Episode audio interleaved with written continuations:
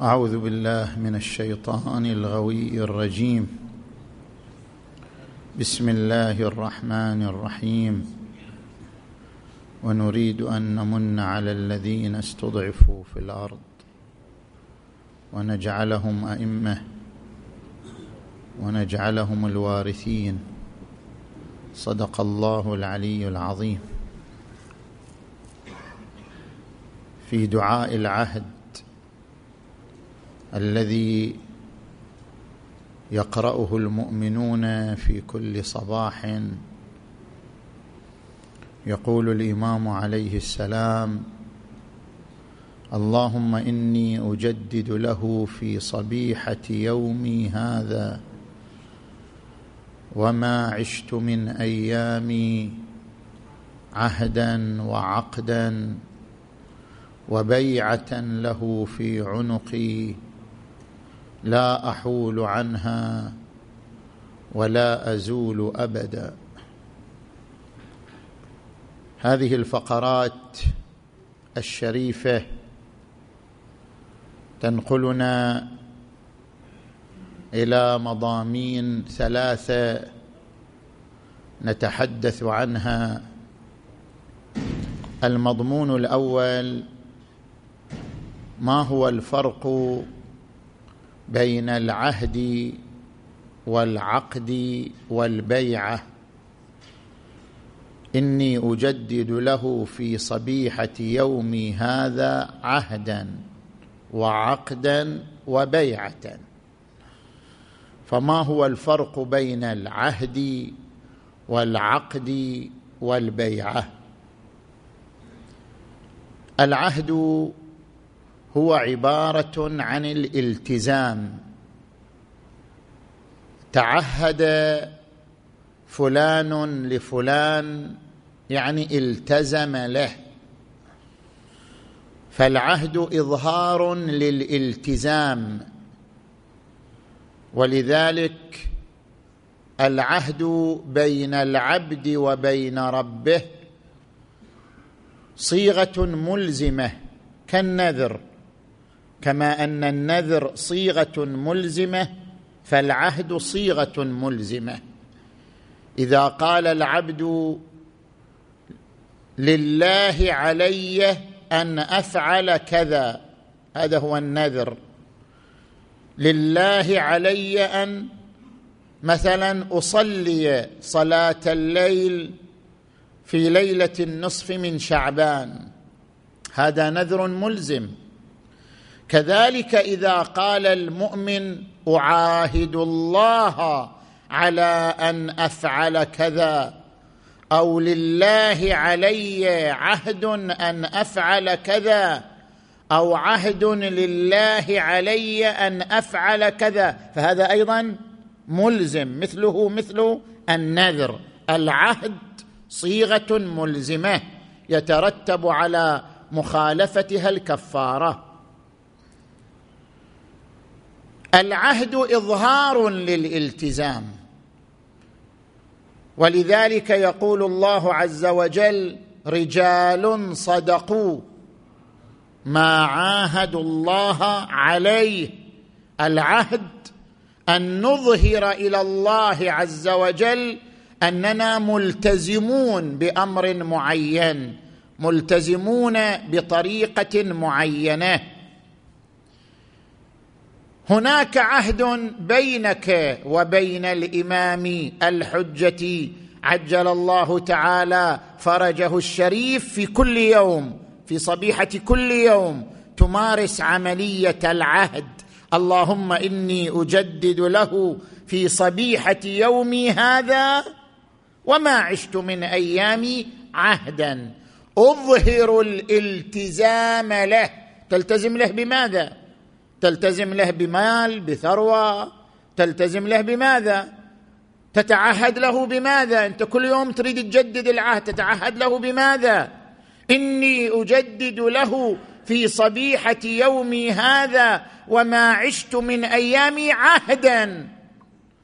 أجدد له التزاما. التزاما بأن أظل على القول بإمامته والتمسك بإمامته والسير على رضاه صلوات الله عليه وعلى آبائه الطيبين الطاهرين. الأمر الثاني هو العقد. العقد يقول علماؤنا العقد ربط التزام بالتزام بما يوجب علقة وضعية. شنو معنى هذا الكلام؟ ربط التزام العقد مأخوذ من العقده تعقد مثلا هذا الخيط بهذا الخيط. هذا عقد. عقدت بين الخيطين يعني شنو؟ ربطت بينهما. العقد مأخوذ من الربط. العقد ربط التزام بالتزام بما يحقق علقة وضعية. كيف ربط التزام بالتزام؟ هناك فرق بحسب المصطلح الفقهي بين العقد وبين الإيقاع. عندنا معاملات تسمى إيقاع عندنا معاملات تسمى عقد. الإيقاع طرفي يعني متقوم بطرف واحد. العقد طرفيني يعني متقوم بشنو؟ بطرفين. الإيقاع مثل شنو؟ مثل لنفترض مثلا الإنسان يعتق عبدا في زمن المملوكيه الإنسان يملك عبيد يعتق عبده هذا إيقاع.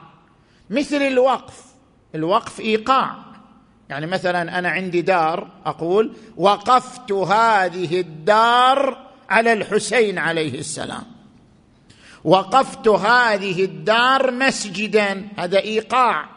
لأن هذه المعاملة متقومة بطرف واحد وهو أنا. أنا وقفت داري للحسين عليه السلام أو وقفت داري مسجدا الوقف إيقاع. وهناك عقد. العقد متقوم بشنو؟ بطرفين.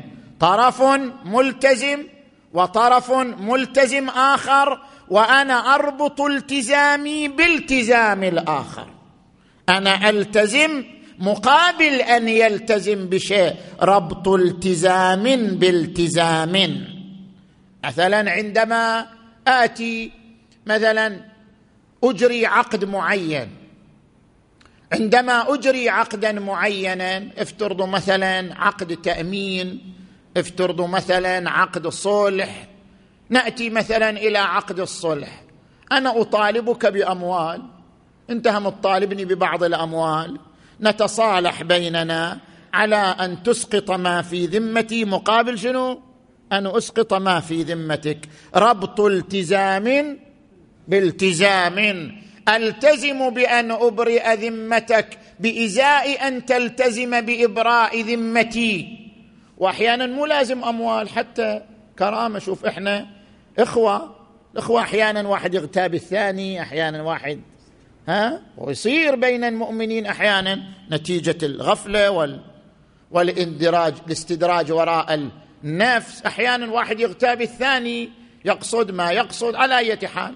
أحيانا أنا أغتابك أحيانا أنت تغتابني أحيانا أنا أتكلم بكلمة نابية في حقك أحيانا أنت تتكلم بكلمة نابية في حقي.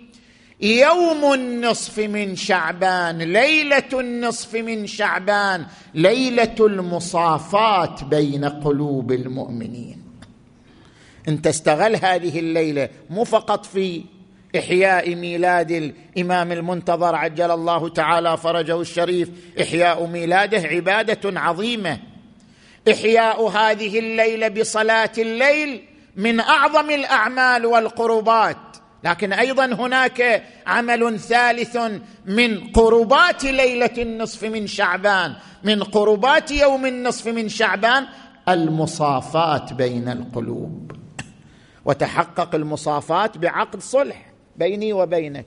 أسقطت ما في ذمتك تجاهي أسقطت ما في ذمتي تجاهك بأن تسقط شنو؟ ما في ذمتك تجاهي. ليس لك حقوق علي بإزاء أن ليس لي حقوق عليك. هذا عقد ربط التزام بالتزام ربط التزام بالتزام بما يحقق علقة وضعية. إيش معنى بما يحقق علقة وضعية؟ أحيانا ربط التزام بالتزام ما يحقق علقة وضعية. مثل شنو؟ مثلا يجوك ناس مثلا يتعاقدوا على أشياء بايخه ما لها معنى؟ مثلا أنا أتفق معك على أنه كل ما تطلع أنت من بيتك الساعة سبعة أنا أطلع من بيتي الساعة سبعة مثلا. هذا اتفاق بين طرفين.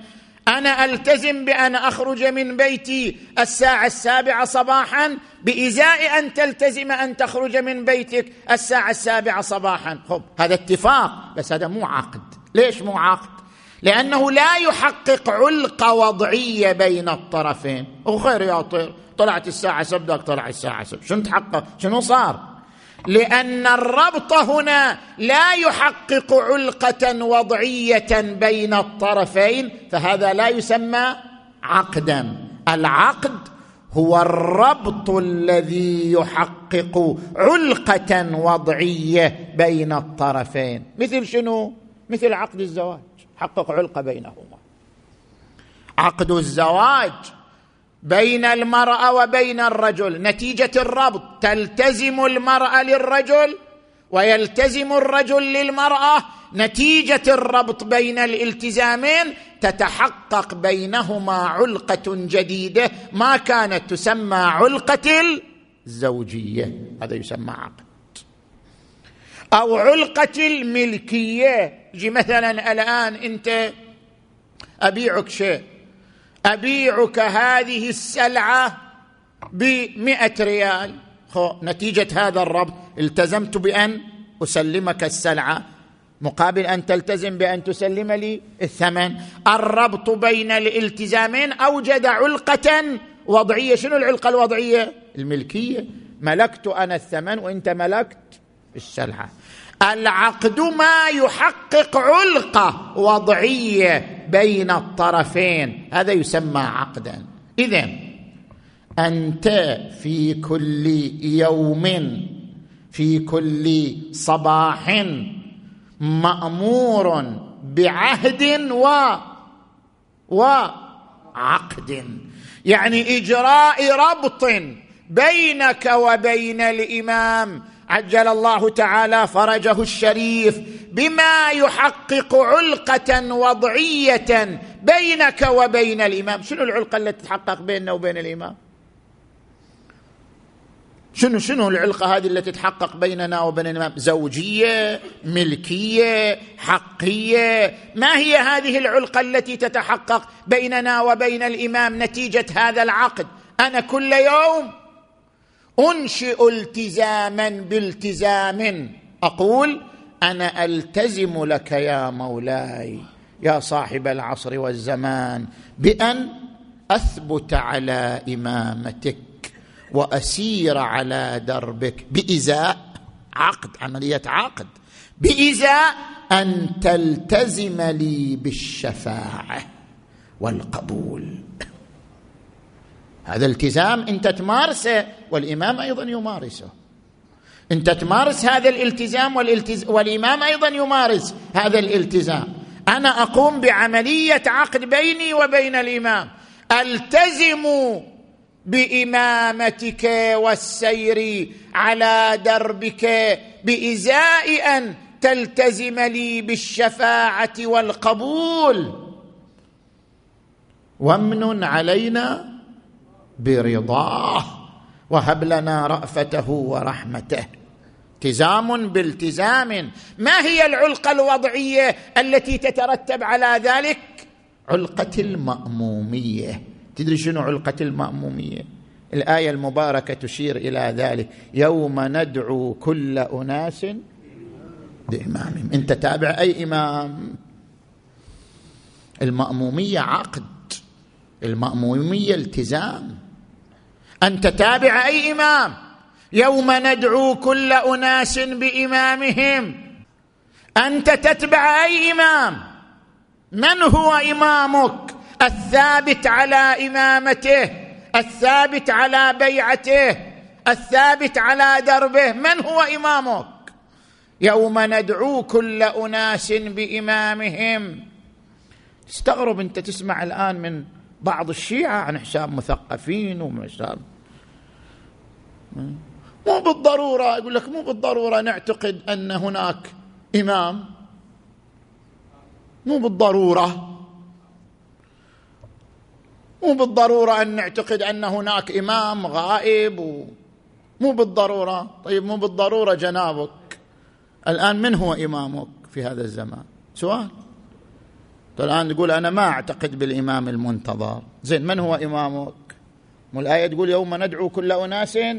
يعني لازم في إمام. شوف من هو إمامك؟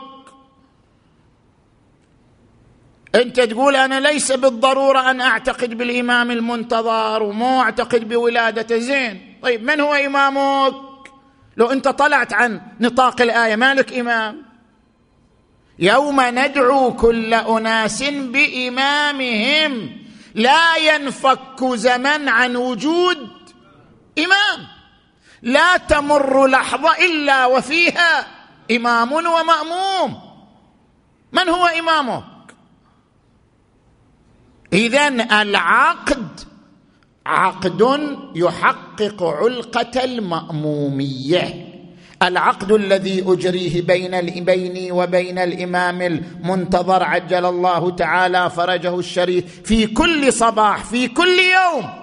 هذا العقد يحقق علقة المأمومية. أنت إمامي الذي سأدعى بك يوم القيامة.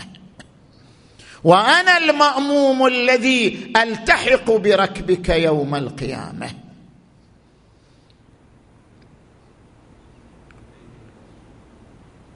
وبيعة له في عنقي بيعة.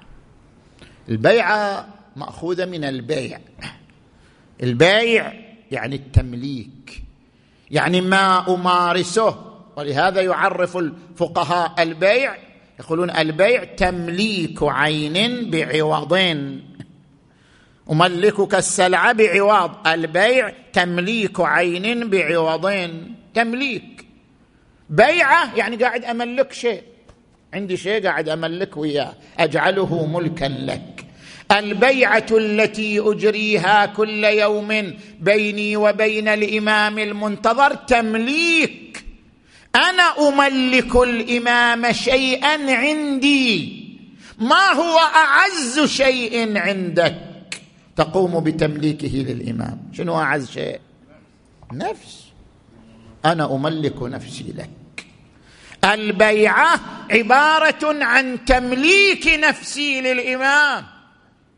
هذه النفس ملك لك تحت أمرك ونهيك تحت تصرفك. وأنت قلت أو ما قلت القرآن يقول النبي أولى بالمؤمنين من أنفسهم.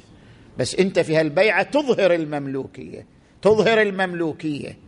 النبي يملك نفسك أكثر من ملكك لنفسك. فلا وربك لا يؤمنون حتى يحكموك فيما شجر بينهم. النبي يملك نفسك أولى من ملكك لنفسك. النبي أولى بالمؤمنين من أنفسهم. والنبي قال يوم غديركم أنا أملك نفوسكم؟ هذه الملكية الثابتة لي ألا فمن كنت مولاه؟ فهذا علي مولاه. اللهم وال من والاه وعاد من عاداه. وانصر من نصره. واخذل من خذله. وأدر الحق معه اينما ذا بيع التمليك. إظهار للمملوكية. أنفسنا ملك له. اذا نحن نمارس صبيحة كل يوم ثلاث معاملات. عهد عقد بيعة. لنؤكد من خلال هذه المعاملات الثلاث التي نجريها في صبيحة كل يوم لنؤكد أننا ملك الإمام تحت أمره. أرواحنا فداه أرواحنا فداه نجي إلى المضمون الثاني إلى هذه الفقرات الشريفة. كما يذكر علماء العرفان أن مراتب الوصول إلى الله عز وجل عروج وتسليم وفناء. أنت كيف مرتبتك مع الله؟ واحد صلاته الحمد لله رب العالمين. صلاة مجرد لقلقة لسان. هذا خوف يسقط عنه ال... تسقط عنه العقوبة. صلى بعد. علاقته مع الله علاقة طقوسية. علاقة شنو؟ شكلية صورية. واكو واحد لا علاقته مع الله تختلف عن هذه العلاقة الصورية الطقوسية. قد أفلح المؤمنون الذين هم في صلاتهم خاشعون خشوع عنده. إذا دخل الصلاة تحرك قلبه. إذا دخل الصلاة تحركت جوانحه. تحركت نحو نحو عالم الغيب نحو العالم الآخر. علاقة خشوعية. هذه العلاقة الخشوعية أيضا لها درجات. درجة تعرج بها النفس. نفسك تعرج إلى عالم آخر. عالم العظمة عالم الجلال. أتدرون كما يقول الإمام الحسن الزكي سلام الله عليه أتدرون كان إذا وقف على باب المسجد وقف مصفر اللون. يصفر لونه إذا وقف على باب المسجد. أتدرون أني أقف بين يدي من؟ إني أقف بين يدي جبار الجبابرة وملك الملوك. يا محسن قد أتاك المسيء. أنت المحسن وأنا المسيء. هذا عروج. هذا يحقق مرتبة العروج. العروج إلى الله عز وجل.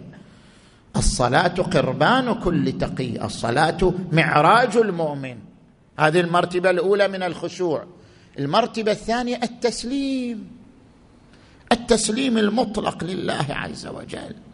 سلمت نفسي وسلمت أنفاسي وسلمت جوانحي وجوارحي ولحظاتي وآناتي وسلمت كل قواي إليك.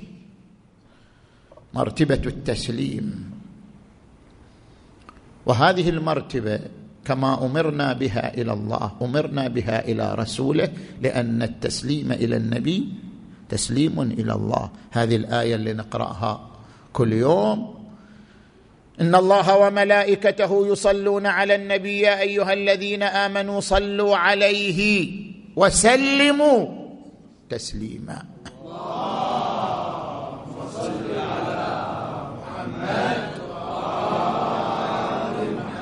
المعنى وسلموا تسليما. بعضهم يقول معنى يعني السلام والسلام عليكم يا رسول الله. خب المعنى الثاني وارد في الروايات وسلموا من التسليم وليس من السلام. سلم سلم إليه. يعني انتقل من مرتبة العروج إلى مرتبة التسليم. سلم إليه. قل كل ما عندي له. لرسول الله مرتبة التسليم. والمرتبة الثالثة مرتبة الفناء. أن لا ترى لنفسك وجودا ولا انيه لا ترى غير الله. فنيت نفسك في الله. هذه المرتبة التي عبر عنها أمير المؤمنين علي عليه السلام. ما رأيت شيئا إلا ورأيت الله. أنا ما أرى شيء أصلا. ما أرى إلا الله. يعني فنيت نفسي في الله. ما رأيت شيئا إلا ورأيت الله قبله وبعده وفوقه وتحته وفيه. والله لو كشف لي الغطاء ما ازددت يقينا. مرتبة الفناء. هذه المراتب كما هي مع الله هي مع حجة الله على خلقه. إمام الزمان مظهر الله عز وجل في أرضه خليفة الله في أرضه. بعضنا علاقته بالإمام هل تشوف؟ إن جاء المولد قلنا أفضل الصلاة والسلام. وقرينا المولد مع السلامة. فعلاقته مع الإمام علاقة شنو؟ طقوسية صورية. يقرأ المولد مع السلامة. وهناك من علاقته بالإمام؟ علاقة القرب. إذا ذكر الإمام يشعر بحب الإمام في قلبه. إذا ذكر الإمام يشعر بأن في قلبه نزعه نحو الإمام حنو نحو الإمام قرب للإمام. هذا عنده علاقة قرب. يتصدق عن الإمام يصلي مستحب تتصدق عن الإمام المهدي تصلي عنه تطوف عنه. زين. واحد عنده علاقة قرب نفسي. هذه العلاقة القرب النفسي أيضا لها درجات. تارة علاقة عروج. واحد يفكر في الإمام. ما تقرأ زيارة ياسين؟ السلام عليه حين يقوم حين يقعد.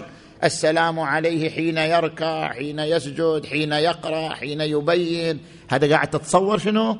تتصور الإمام. هذه زيارة ياسين تحقق علاقة العروج لأنها تنقل ذهنك إلى الإمام. قاعد تتصور الإمام. كيف يركع كيف يسجد كيف يدعو كيف يقرأ القرآن كيف يبين كيف يفسر. زيارة آل ياسين تحقق علاقة العروج مع الإمام المهدي المنتظر. عجل الله تعالى فرجه الشريف. زين.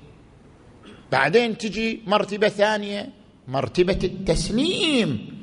هناك من يعيش تسليما للإمام عليه السلام بكل ما عنده. أنا سلمت لك أيها الإمام بكل ما عندي. أنا ملك لك تحت أمرك ونهيك. وهناك من يعيش مع الإمام علاقة الثناء. يلهج بالإمام صباحا ومساء لا يفكر إلا فيما يرضي الإمام. لا يفكر إلا فيما يقربه إلى الإمام. إحنا وش قدمنا للإمام؟ وش قدمنا إحنا؟ وش قدم الآخرين؟ قدمنا حلاوة ليله المولدة؟ قدمنا كيك ليله المولدة؟ هو ده لا بأس. واحد يقدم ليلة المولد كيك حلاوة. صحون. زين؟ لا بأس. هذا النثار الذي يقدمه ليلة المولد عمل مستحب عبادة قربة إلى الله لأنه إحياء. شنو؟ إحياء لأمر الإمام كما ورد عن الباقر عليه السلام. رحم الله من أحيا أمرنا. رحم الله من جلس مجلسا يحيا فيه أمرنا. إحياء لأمر الإمام. بشرط أن لا يكون معه معاصي. طبعا ها دير بالك ترى ترى أكو أعمال تبطل تبطل أعمال أخرى تمحوها تنهيها. الله أنا أوزع أشياء يجتمع فيها الرجال مع النساء. لا ما يصير. هذا ما يصير. هذا يبطل العمل يفسد العمل. أنت فاتح مضيف وفاتح بيتك إلى مثلا العطاء بل ولكن بشرط أن لا يقع اختلاط بين النساء وبين الرجال. مسوي لك مضيف مسوي لك في وسط الشارع وسط الشارع واقف وسط الشارع يوزع يوزع عصير يوزع كيك زين هذا شيء جيد. لكن بشرط أن لا يستلزم إعداد الناس إلى معصية. إذا أنت بيستوجب اختلاط النساء بالرجال هذا إعداد شنو؟ إعداد لمعصية. هذا يحبط العمل. يوجب خسارة العمل. يوجب فوت ثواب العمل. لا. تقول إحنا ما نساء ما تجي. بس رجال. نساء يروحوا حسينيات النساء يروحوا مجالس النساء. نساء ما تجي إلينا في هذا المكان. فقط الرجال. تلتزم بذلك. مو انت تقول أجدد له في صبيحة يوم هذا؟ وين راح الكلام. أجدد له في صبيحة يوم هذا عهدان وعقدان وبيعتان. وين البيعة وين العهد أيضا إذا أنت فاتح البيت لرجال النساء أو هذا المضيف للرجال والنساء ما يصير. كن تفصل. هذا للرجال فقط. النساء يروحوا مكان آخر. مجالس النساء لا فتحتين إذا سوينا فتحتين صارت فتحة واحدة. من ينفتح الباب هذا؟ ما ينسد. من ينفتح هذا الباب؟ ما ينسد. النساء لهم مجالس لهم أماكن يروحوا تلك الأماكن. ليش؟ ليش الاختلاط؟ يحبط العمل يفسد العمل يحرق العمل ينسفه نسفا. ليش؟ الإنسان يخسر ثواب أعماله. أكو داعي لهذا. والنفايات. كل عمل. انت الآن مثلا تجي شارع ضيق. زين هو شارع ضيق. شارع كله الحمد لله شوارعنا العظيمة. ها؟ شايف خو شوارعنا العظيمة ومدينتنا المتطورة والمتحضرة. خم واضح بعد. قطيف بشوارعها ها؟ تزهو على مدن المملكة بشوارعها العظيمة المتطورة. صح لو لا؟ زين إذا هو شارع أربعة أمتار وأنت بتحط في وسطه مكان للتوزيع. عطلت أعمال الناس. المرضى ما يقدر يطلعوا.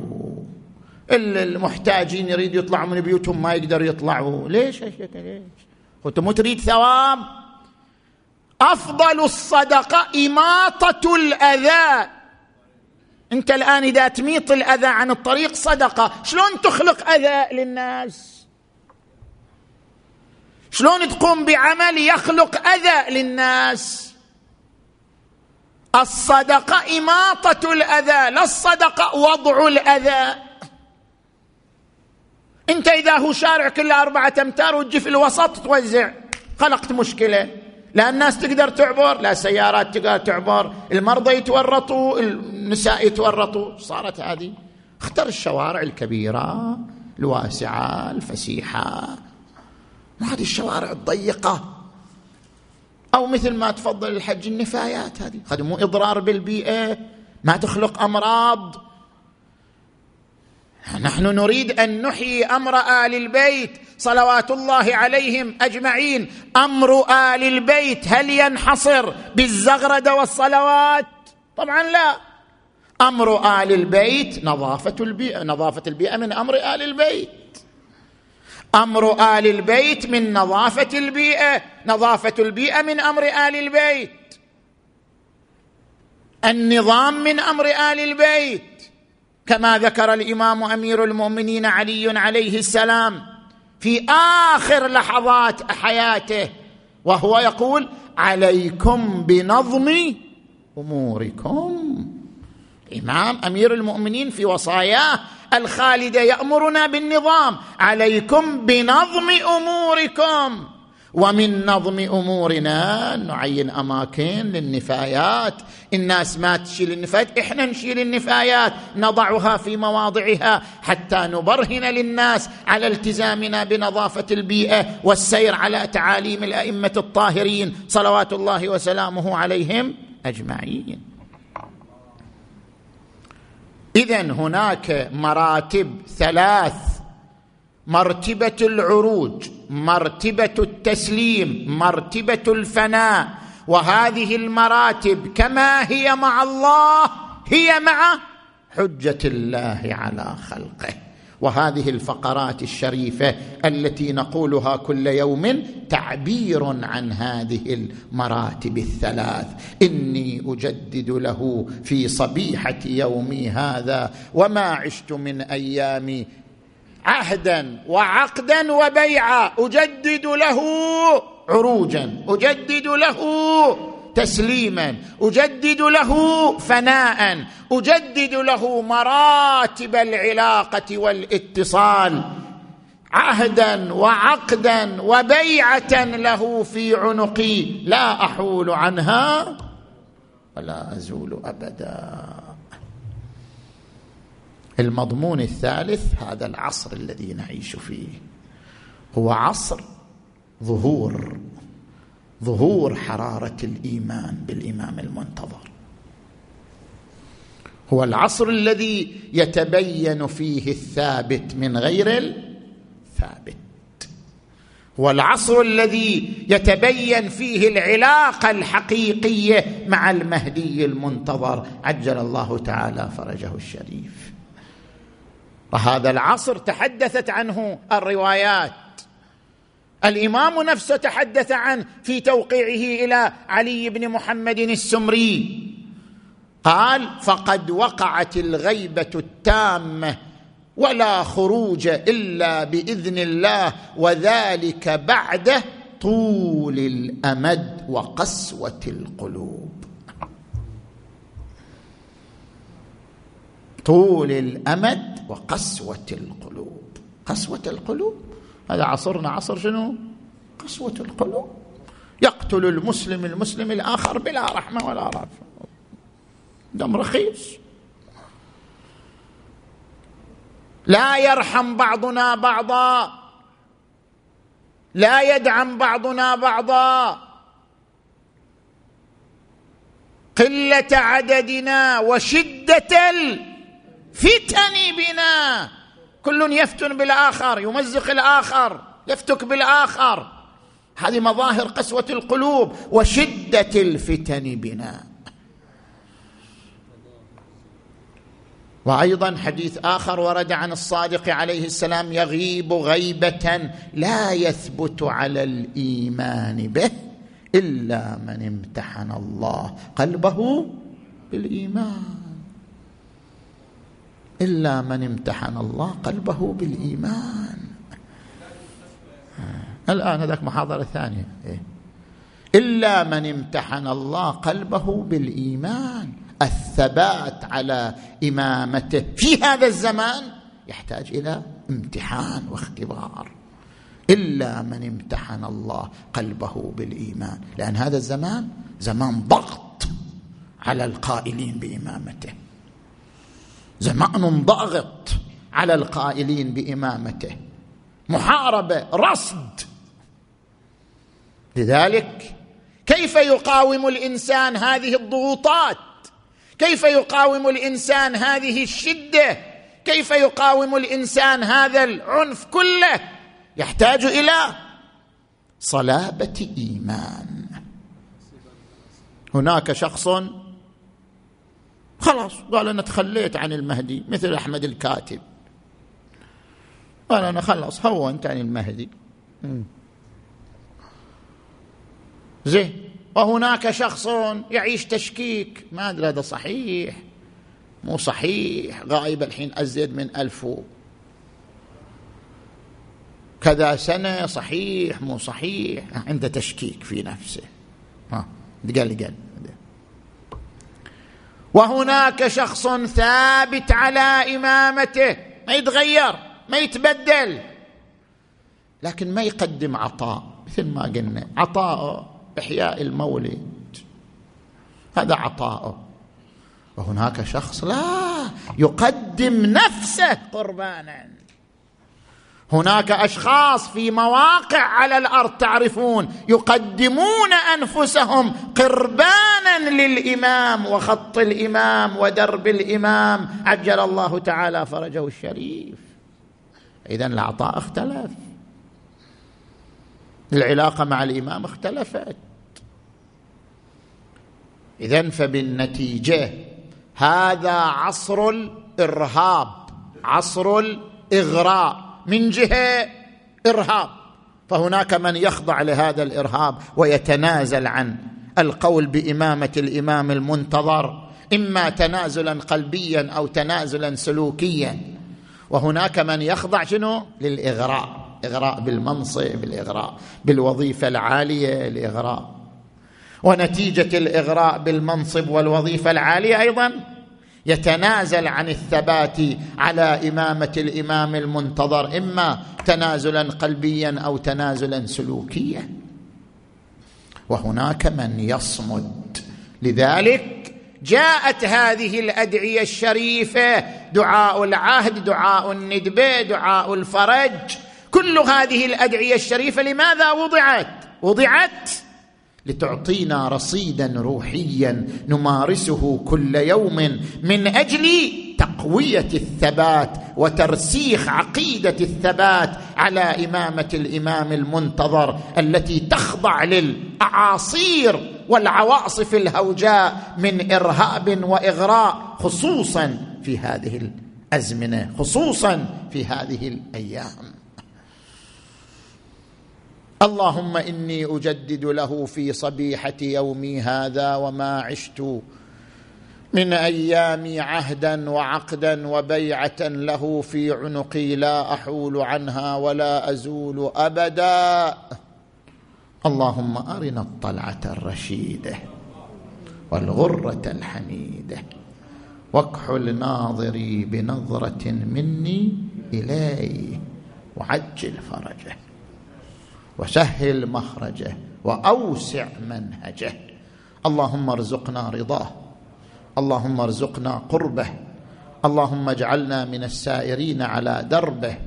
اللهم اجعلنا من المستنيرين بنوره. اللهم ارحمنا به وبآبائه الطيبين الطاهرين. اللهم كن لمولانا الحجة بن الحسن.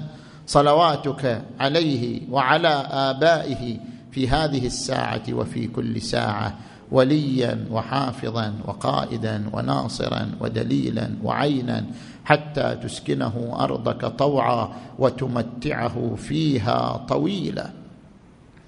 برحمتك يا أرحم الراحمين. اللهم اشف مرضانا فك أسرانا فرج عن المؤمنين انصرهم بنصرك العزيز واخذل أعداء أهل البيت. واسحقهم يا رب العالمين بحق محمد وآله الطيبين الطاهرين وإلى أرواح أمواتنا وأموات المؤمنين والمؤمنات الفاتحة قبلها الصلوات.